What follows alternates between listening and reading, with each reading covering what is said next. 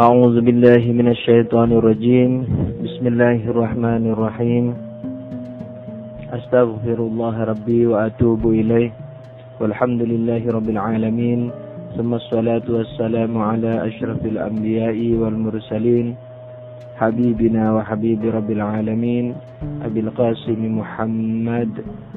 اللهم صل على محمد وعلى آله. الطيبين الطاهرين. المعصومين المنتجبين أما بعد السلام عليكم ورحمة الله وبركاته uh, pada pertemuan kita yang ke-11 ini kita akan segera memasuki uh, subjudul dalil Uh, namun yang perlu diketahui adalah bahwa dalil ini bukan yang dimaksud dalam bab 2 logika nanti yaitu argumentasi. Akan tetapi eh, iya yakni dalil ini adalah eh, suatu mukadimah eh, dari pembahasan kata. Yang perlu teman-teman eh, tangkap ruhnya ruh daripada pembahasan kita dalam bab definisi ini adalah semua mukadimah yang ada dalam pembahasan eh, logika pertama ini itu adalah eh, pertama sebagaimana kemarin yang saya tekan-tekankan itu adalah eh, walaupun ini juga sama dengan bab-bab yang lain logika yakni eh, termasuk juga argumentasi. Yakni apa? Yakni pembahasan eh, daripada logika ruhnya itu adalah eh, ilmu kita atau wujud-wujud dalam akal. Nah yang berkenaan dengan definisi ini adalah apa? Termasuk argumentasi e, yaitu yang sekarang ini yakni dalil ini itu pembahasannya adalah menuju kepada kata sebagaimana mukadimah-mukadimah sebelumnya e, yang kita e, pernah urai juga bahwa e, kita akan mempelajari bahasa kan begitu. Nah, tapi bahasa di sini bukan dari bahasa tertentu, tapi katakanlah bahasa dari sudut pandang hakikatnya atau filsafatnya. Uh,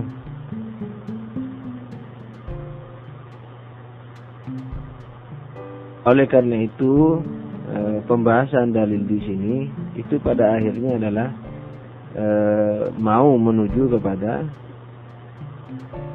kata juga atau bahasa juga. Nah, akan tapi pintu masuknya sekarang lewat dalil. Tidak seperti kemarin. Nah dalil yang dimaksud di sini adalah uh, perpindahan akal dari sesuatu kepada sesuatu yang lain. Yakni manakala akal mengetahui sesuatu ia berpindah ke sesuatu yang lain. Nah itu yang disebut dalil. Misalnya e, dari bekas telapak kaki orang di tanah yang misalnya membekas. Umpamanya setelah hujan reda misalnya ada bekas-bekas tapak kaki orang di katakanlah di halaman kita yang masih berupa tanah. Umpamanya nah dari pengetahuan kita dari pengetahuan kita terhadap atau perhatian kita terhadap bekas tapak kaki orang itu akal kita sekonyong-konyong atau setidaknya e, tanpa dirasa, tanpa disadari e, berpindah daripada bekas tapak kaki, bekas tapak kaki tadi kepada pemahaman, pengertian bahwa ada orang lewat di sana. Nah, perpindahan akal dari bekas tapak kaki kepada orang yang berjalan di atas itu, nah ini salah satu daripada contoh dalil. Nah, eh, banyak sekali nanti kita urai bagian-bagiannya. Nah, ruh daripada dalil ini adalah apa? Perpindahan akal dari sesuatu kepada sesuatu yang lain. Nah, perpindahan akal dari sesuatu kepada sesuatu yang lain ini dibagi menjadi tiga. Bagian pertama, pada pembagian pertama dibagi menjadi tiga. Ada e, dalil akal, ada dalil natural, dan ada dalil peletakan. Tapi sebelum e, saya teruskan penjelasannya kepada tiga hal itu, perlu diketahui bahwa dalam peristiwa tadi seperti bekas tapak kaki dan perpindahan akal dan e, orang yang berjalan di atas e, tanah tersebut itu ada tiga unsur. Ini gampang untuk diingat. e, bekas tapak kaki itu disebut e, pendalil kemudian uh, perpindahan akal dari tapak kaki bekas tapak kaki kepada orangnya itu disebut dalil. Sementara orangnya disebut yang didalili. Uh, kalau mau uh, dibuat uh, bahasa Indonesia-nya di sesuaikan dengan bahasa Inggris. Misalnya ya ini gurau loh. E, bekas tapak kaki disebut daliler kemudian perpindahan akal dari bekas tapak kaki kepada orang yang disebut dalil. Kemudian e, orang yang disebut dalilet nah, jadi daliler dalil dan dalilet daliler, dalil dan dalilat. Jadi uh, pendalil, uh, dalil dan yang didalili.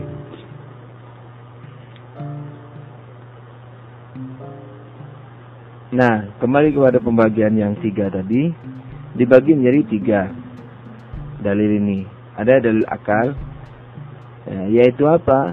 Yaitu yang antara antara daliler dan dalilat ya, antara dalil eh antara pendalil dan yang didalili itu apa namanya hubungannya eh, di luar akal itu hubungan sebab akibat.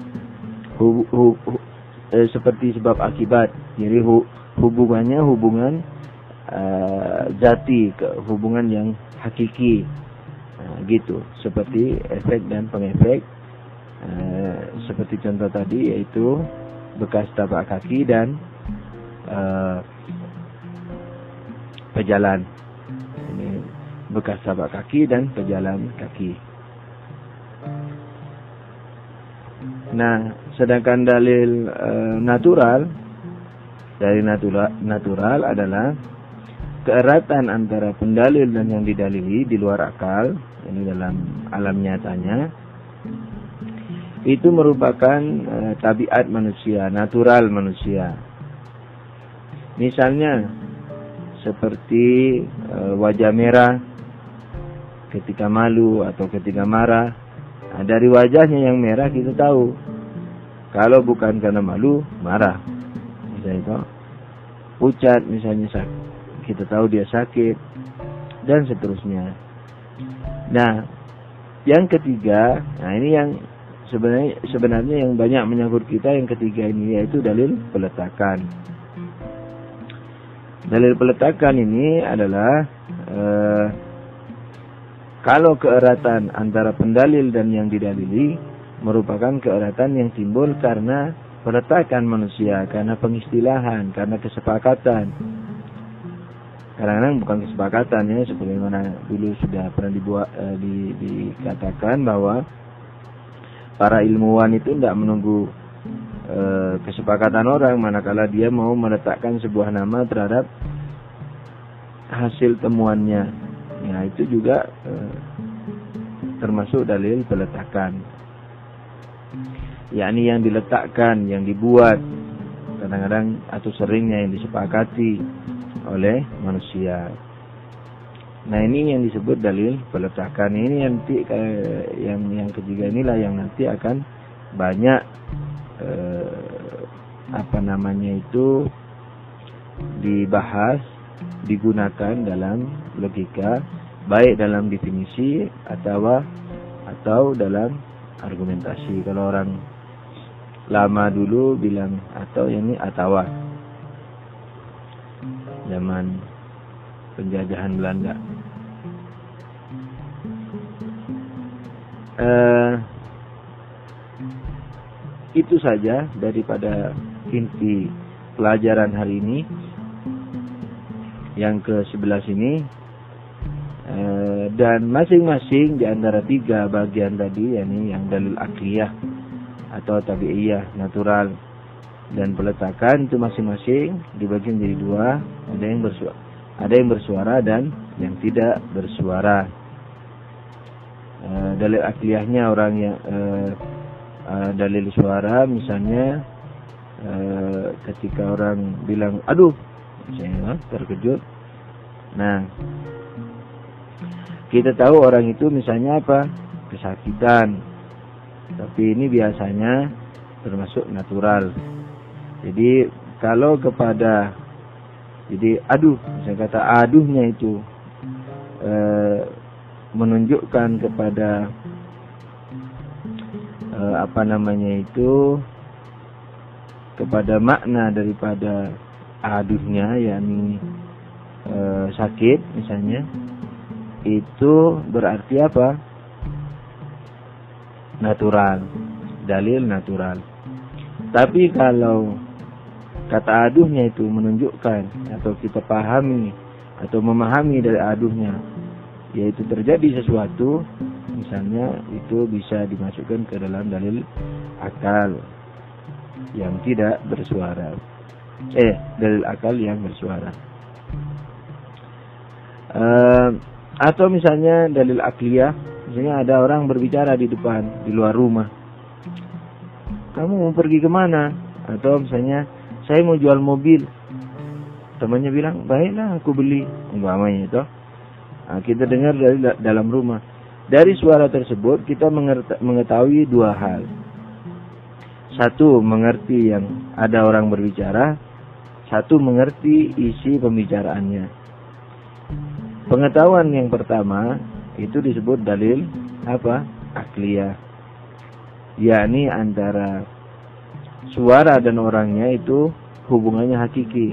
Ini sebab akibat. Tapi antara suara dan makna suaranya itu dalil peletakan. Nah, jadi dalil peletakan yang bersuara. Tidak terlalu sulit ini jadi enak sajalah ke depan. Sebenarnya semua begitu juga filsafat tidak sulit, logika nggak sulit, tapi harus diresapi. Itu syaratnya. Jangan sesekali karena misalnya terasa mudah terus diremehkan. Nanti kacau, terjadi kekacauan sebagaimana harddisk saya itu nah, itu sudah rusak jadi semua data ambles uh, misalnya apa uh, semacam uh, apalah pelajaran saya yang setahun 16 dan seterusnya. Nah, syukur masih logika di, bisa diselamatin, tapi banyak tulisan misalnya atau kenangan rekaman uh, itu juga banyak yang tidak bisa diselamatkan. Nah, sehingga karena kesel sambil juga komputernya nggak ada, tidak online selama lima hari. Mungkin teman-teman eh, pada bingung yang biasanya menyurati saya, kok tidak lagi ada surat? Karena memang error harddisknya, bukan programnya. Nah begitu juga kalau meremehkan kaidah-kaidah yang sekecil apa pun dalam logika dan filsafat itu akan menyebabkan e, keeroran besar dan kehilangan tujuan hidup, kemudian e, kehilangan e, konsentrasi atau perhatian atau fokus kepada apa yang kita cari sebenarnya dengan mempelajari logika dan filsafat atau irfan. Oke lah, saya baca naskah kalau nanti ada yang uh, perlu saya jabarkan, saya akan jabarkan insyaallah. Naskah dalil. Ketika Anda melihat asap, pikiran Anda beralih pada suatu wujud lain, yaitu api. Nah, penjelasan saya dengan naskahnya berbeda metodologinya ya.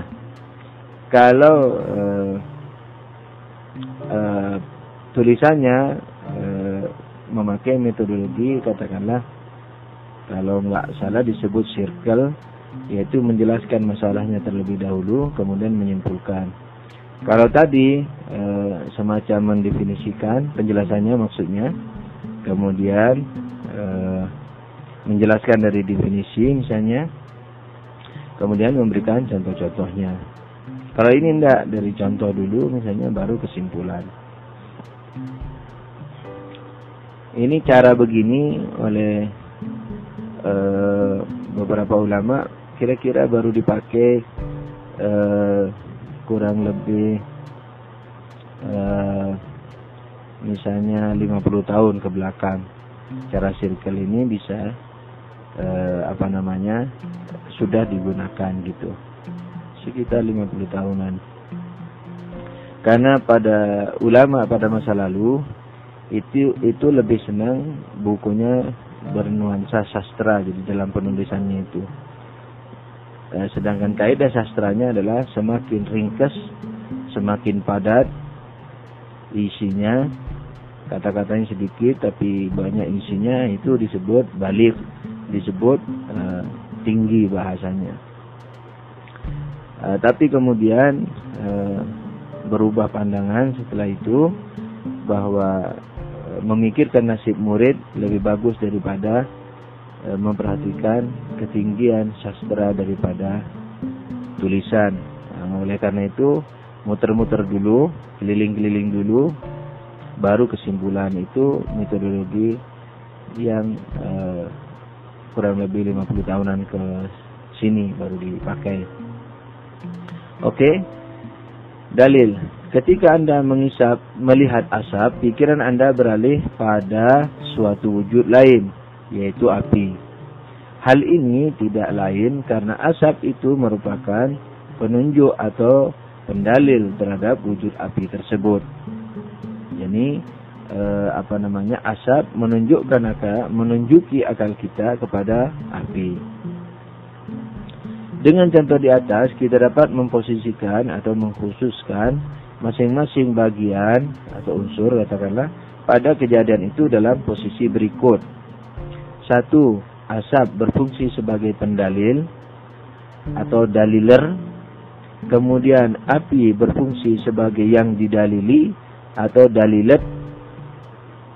Kemudian tabiat atau sifat asap yang membawa akal kita kepada api disebut sebagai dalil. Ini e, secara natural di mana dikandung dalam asap e, secara natural natural terkandung dalam asap bahwa asap membawa akal kita kepada e, api nah itu disebut dalil. Ini kalau mau simple perpindahan akal kita dari asap ke api itu yang disebut dalil. Memang e, secara secara filosofisnya eh, akal kita terbawa akal kita apa? Terbawa oleh asap. Gitu. Nah, oleh karena itu di sini eh, ditulisan dalam eh, keadaan lebih filosofis bahwa dalil adalah Eh, sifat natural yang ada pada asap atau setiap pendalil yang membawa akal kita kepada uh, yang didalili atau dalilat. Oke, okay, naskah. Begitulah setiap yang Anda ketahui baik dari penglihatan, pendengaran, penciuman dan lain-lain uh, yang dengan mengetahuinya akal Anda berpindah darinya kepada suatu yang lain, kita katakan sebagai apa? Pendalil. Di apa saja yang kita ketahui dan membawa akal kita kepada hal lain itu disebut pendalil atau daliler. Dan yang Anda ketahui berikutnya sebagai yang didalili. Ini juga mestinya miring tulisannya. Yang didalili pendalil sudah benar benar sudah itu miring kemudian yang didalili tegak ini tulisannya mestinya dia juga miring atau yang ditunjuki. Jadi ini juga mesti miring tulisannya. Sedangkan sifat yang dimiliki yakni yaitu yang memindahkan akal kita kepada yang didalili tersebut disebut apa? Dalil. Benar sudah dalil ini miring tulisannya. Dengan demikian kita dapat mendefinisikan dalil sebagai sesuatu yang kalau diketahui akan akal akan mengetahui sesuatu yang lain. Dalil adalah sesuatu yang kalau diketahui akal akan mengetahui sesuatu yang lain. Ruhnya tadi itu, yakni apa? Perpindahan akal dari sesuatu kepada sesuatu yang lain. Jadi pindahnya akal dari sesuatu kepada sesuatu yang lain disebut dalil. Walaupun secara secara lebih teliti apa yakni sifat sesuatu di mana sesuatu itu membawa kepada sesuatu akal kita kepada sesuatu yang lain nah itu yang disebut dalil. Pembagian dalil naskah Sebab dari perpindahan akal di atas adalah pengetahuan akal itu sendiri terhadap eratnya hubungan di dalam akal antara pendalil dan yang didalili. Sebab dari perpindahan akal di atas, kenapa bisa berpindah dari pendalil kepada yang didalili? Adalah sebabnya ya, adalah pengetahuan akal itu sendiri terhadap eratnya hubungan di dalam akal antara pendalil yang dan, dan yang didalili. Yang mendalili api di luar akal, eh asap di luar akal. Yang yang ber, yang apa? Pendalilnya ya. Pendalilnya adalah asap di luar akal. Yang didalili api di luar akal. Nah, kenapa eh, kita akal kita bisa berpindah dari asap ke api? Karena akal kita tahu bahwa di luar akal antara asap dan api itu berhubungan erat. yakni pengetahuan akal kita terhadap eratnya pendalil dan yang didalili, terhadap eratnya daliler dan dalilat, maka akal kita berpindah-pindah dari satu ke yang lain. Itu penyebab daripada perpindahan. Jadi kalau ditanya apa penyebab perpindahannya? perpindahan akal dari uh, asap ke api? Uh, jawabannya adalah pengetahuan akal kita atau pengetahuan kita terhadap eratnya hubungan keduanya di luar akal. Nah sekali lagi, sedang keeratan itu sendiri disebabkan oleh pengetahuan akal tentang keeratan keduanya di luar akal. Nah ini tadi yang saya sudah terangi. Oke, jadi saya ulang dulu. Sebab dari perpindahan akal di atas adalah pengetahuan akal itu sendiri terhadap eratnya hubungan di dalam akal antara pendalil yang dan yang didalili. yakni di dalam akal erat sekali antara asap dan api. Asap, api, asap, api. atau kata buku dengan bukunya itu erat dalam akal. Nah, keeratan dalam akal ini disebabkan keeratan keduanya di luar akal. Gitu. yakni dalil yang e, langsung penyebab langsung daripada perpindahan akal dari asap ke api karena yang berpindah itu kan bukan asap di luar dengan e, api di luar kepada api di luar tapi asap dalam akal de, kepada api dalam akal kan gitu nah perpindahan sebab sebab per, sebab pertama dari perpindahannya adalah keeratan akal keeratan yang diketahui akal bahwasanya antara asap dan api itu sangat erat dalam akal. Nah, sangat erat dalam akal ini disebabkan oleh apa? Oleh keeratan keduanya di luar akal, gitu. Naskah karena keeratan keduanya, yakni pendalil dan yang didalili, bermacam-macam bentuknya, maka dalil sebagai apa saya tadi tidak membaca subjudulnya ya. Subjudulnya pembagian dalil, pembagian dalil. Oke. Karena keeratan keduanya, yakni pendalil dan yang didalili, dan yang didalili bermacam-macam bentuknya, maka dalil dibagi menjadi tiga. Akliyah, yakni secara akal, natural, yakni tabiiyah, eh, kemudian wad'iyah atau peletakan. Dan masing-masing dibagi menjadi bersuara dan tidak bersuara. Bagian pertama dalil akliyah secara akal. Yani dalil akliyah yakni dalil secara akal. Dalil akliyah adalah kalau keeratan antara pendalil dan yang didalili di luar akal itu yakni keeratan keduanya ya daliler daliler dan dalilet di luar akal naskah merupakan keeratan zati atau hakiki seperti efek dan pengefek. Nah, ketika kita melihat bekas tapak kaki atau rambu di jalan, yang keduanya merupakan efek, akal kita berpindah darinya kepada sesuatu yang lain atau sesuatu yang lain. Yaitu adanya orang yang berjalan atau adanya pembuat rambu. Bukan kepada alamat rambunya loh kepada pembuat rambu. Yang keduanya sebagai pengefek.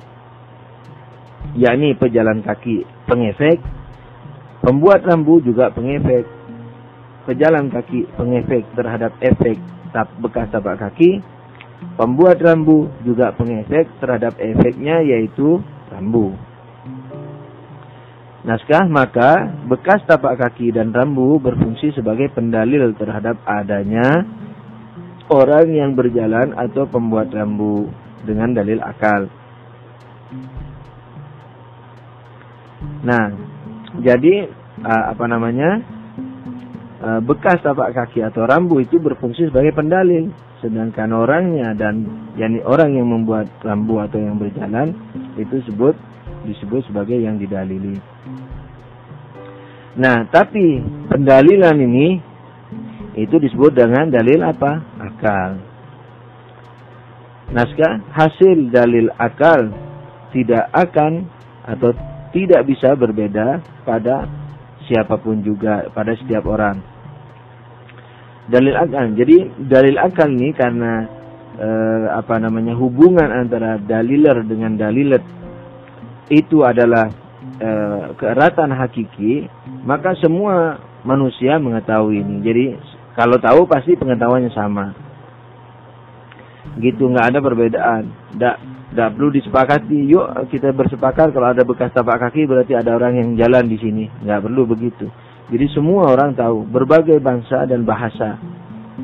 Nah, jadi perpindahan akal dari uh, uh, dalil akal ini uh, itu adalah Eh, sama di antara semua manusia.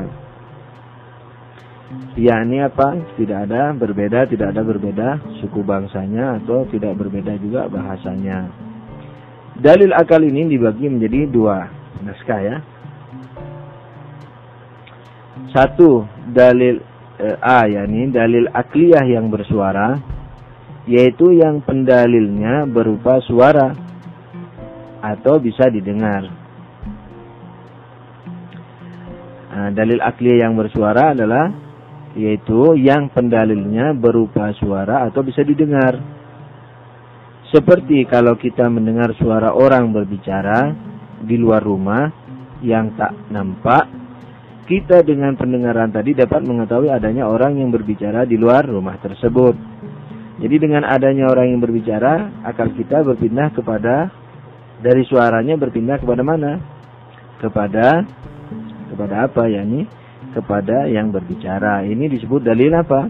Akliyah. Tapi kalau kepada makna kata-katanya itu itu disebut sebagai peletakan yang insya Allah nanti akan kita uh, kaji juga naskahnya.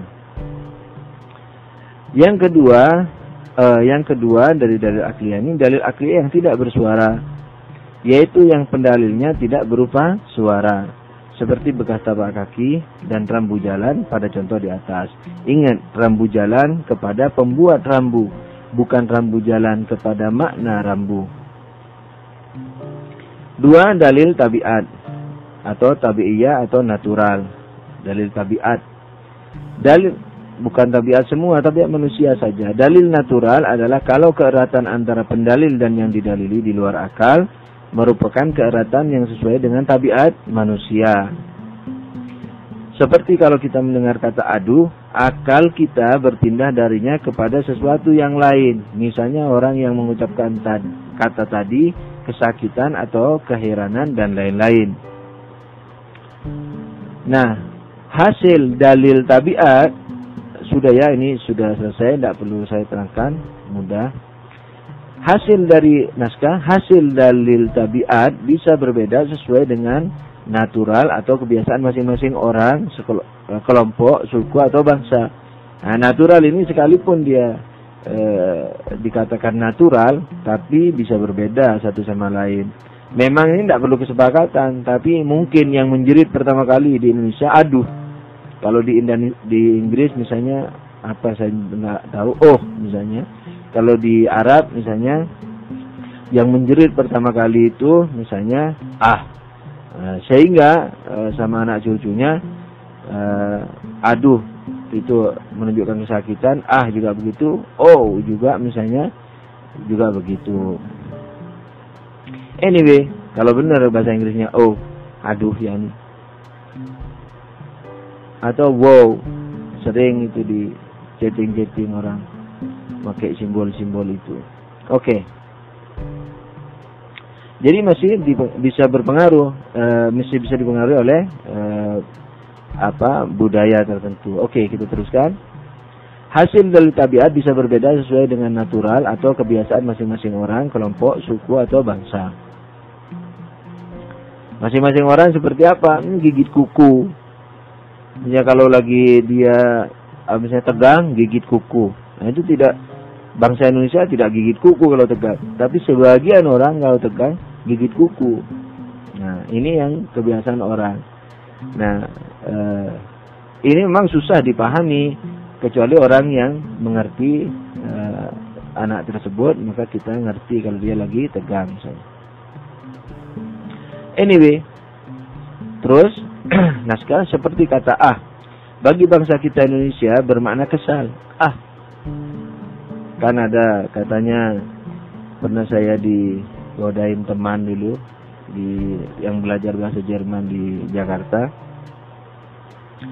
Ditanya, Ustadz, kalau bahasa Jerman aku cinta padamu apa? Nah, saya bilang saya nggak tahu, saya nggak belajar. Dia bilang sendiri, dia bilang ikhli bedih, ikhli bedih. Tapi kalau aku kesel kamu, saya kesal sama kamu, bahasa Jermannya apa? Itu lagi. Aku cinta padamu aja nggak tahu, apalagi saya e, marah kamu ya saya nggak tahu. Gampang Ustaz. Apa? Ih sebelah. Jadi ada ih sebelah. Jadi karena ada ahnya dalam contoh ini saya ingin sama teman saya yang e, menggoda saya itu. Jadi ih libedi aku cinta padamu. Ih sebelah itu aku benci kamu, aku kesel kamu. Oke, ah di sini ya. Seperti kata ah. Ah, jangan gitu ah. Nah, misalnya. Nah, ah e, bagi bangsa Indonesia bermakna kesal, kecewa dan lain-lain. Namun, tapi kalau orang Arab, namun bagi orang Arab bermakna atau menunjukkan rasa sakit. Jadi kalau orang Arab bilang ah itu e, misalnya ah misalnya gitu itu nggak marah kepada kita. Jangan terus kamu lari, malah kamu harus tengok dia ini lagi kesakitan kenapa ini? Mungkin perlu pertolongan. Gitu. Oke, okay, anyway. Nah, kenapa disebut natural bukan peletakan? Karena dulu yang membuat itu itu nggak nggak sengaja, nggak diletakin secara sengaja. Pokoknya muncul aja dari mulutnya. Kalau nggak percaya tanyain ke kakek-kakek nenek-nenek moyang kita. Misalnya yang sudah e, ratusan tahun lalu itu, kalau bisa didatengin. Kamu dulu bersepakat nggak pakai ah atau aduh, ya itu, e, atau begitu aja men, me, muncul dari e, mulut misalnya. Nanti jawabannya begitu aja muncul dari mulut. Nah, jadi e, natural tapi naturalnya itu apa? Masih ada keterlibatan manusia di dalamnya. Orang memang definisi naturalnya natural yang sesuai dengan apa? Tabiat manusia. Tapi tabiat bukan tabiat-tabiat betulan. Masih ada pengaruh dari kita. Nah, jadi eh, apa namanya itu eh, natural di sini yaitu yang natural yang masih berhubungan dengan manusia. Apakah eh, seperti aduh tadi yang kita yakini itu uh, tidak lahir dari kesepakatan sehingga dikatakan dalil peletakan atau merahnya wajah yang menunjukkan rasa malu atau marah begitu. Oke. Dalil tabiat ini dibagi menjadi dua. Dalil tabiat yang bersuara, ini satu. Dalil tabiat yang bersuara yaitu yang pendalilnya berupa suara seperti adu pada contoh di atas. Ini juga eh, salah penulisan mestinya seperti kata ah pada contoh di atas. Nah, ini karena tekanan ketika kita menulis tekanannya kepada makna hanya sering kali walaupun sudah diedit berulang-ulang masih masih saja ada kesalahan tulis. Aduh juga bisa, tapi jangan ada kalimat pada contoh di atas. Ketika ada pada contoh di atas, berarti ah, karena contoh di atas tadi ah bukan aduh. Yang kedua, dalil tabiat yang tidak bersuara. Nah, dalil tabiat yang tidak bersuara yaitu yang pendalilnya tidak berupa suara. Seperti pucat pada wajah yang bermakna orang tersebut malu, takut, sakit, dan lain-lain. Kok masih ada yang lain-lain? Barangkali udah cukup tiga kan? Malu, takut, sakit. Yang lain-lain apa? Yang lain-lain ya mati misalnya atau masih hidup tapi sudah dihisap darahnya sama Dracula kalau ada Dracula. Oke, yang ketiga ini bukan pembagian dalil e, tabiat tapi pembagian dalil itu sendiri. Pembagian e, bagian yang ketiga adalah dalil peletakan atau wad'iyah. Saya baca cepat, waktunya sudah e, lepas beberapa menit yang lalu. Dalil peletakan adalah E, kalau keeratan antara pendalil dan yang didalili merupakan keeratan yang timbul karena pengistilahan atau peletakan atau kesepakatannya yang menjadikan adanya salah satu dari keduanya yakni pendalil sebagai dalil terhadap wujud yang lain yakni yang didalili. Yang menjadikan adanya salah satu dari keduanya yakni pendalil sebagai dalil terhadap wujud yang lain yakni apa? Yang didalili. Seperti kata buku pada bukunya, pada maknanya. Jadi kata buku mempunyai hubungan erat dengan maknanya eh, karena peletakan, bukan hubungan hakiki atau natural. Dengan dasar bersuara atau tidaknya dalil ini juga dibagi menjadi dua. Nah, dalil peletakan ini pasti banyak perbedaan antara suku-suku dan bangsa-bangsa. Dalil pertama dari peletakan ini adalah dalil peletakan yang bersuara, yaitu yang pendalilnya berupa suara. Sebagai kat, sepa, semacam kata buku pada contoh di atas. Betul ada contoh di atas? Nah, ada itu, buku. Dua, dalil peletakan yang tidak bersuara, yaitu yang pendalilnya tidak berupa suara, tapi peletakan. Apa? Tulisan. Semacam kata buku yang dituliskan atau semacam rambu jalan misalnya uh, penunjukan tanda berhenti atau atau semacam rambu jalan. Misalnya penunjukan tanda berhenti belok kanan dan lain-lain. Bukan kepada pembuatnya loh. Kalau kepada pembuatnya dalil akal. Kalau kepada belok kanan kiri berhenti dan seterusnya itu apa? Peletakan. Kesepakatan. Peringatan. Dengan melihat rambu eh, rambu-rambu jalan, kita dapat mengetahui dua, mengetahui dua hal.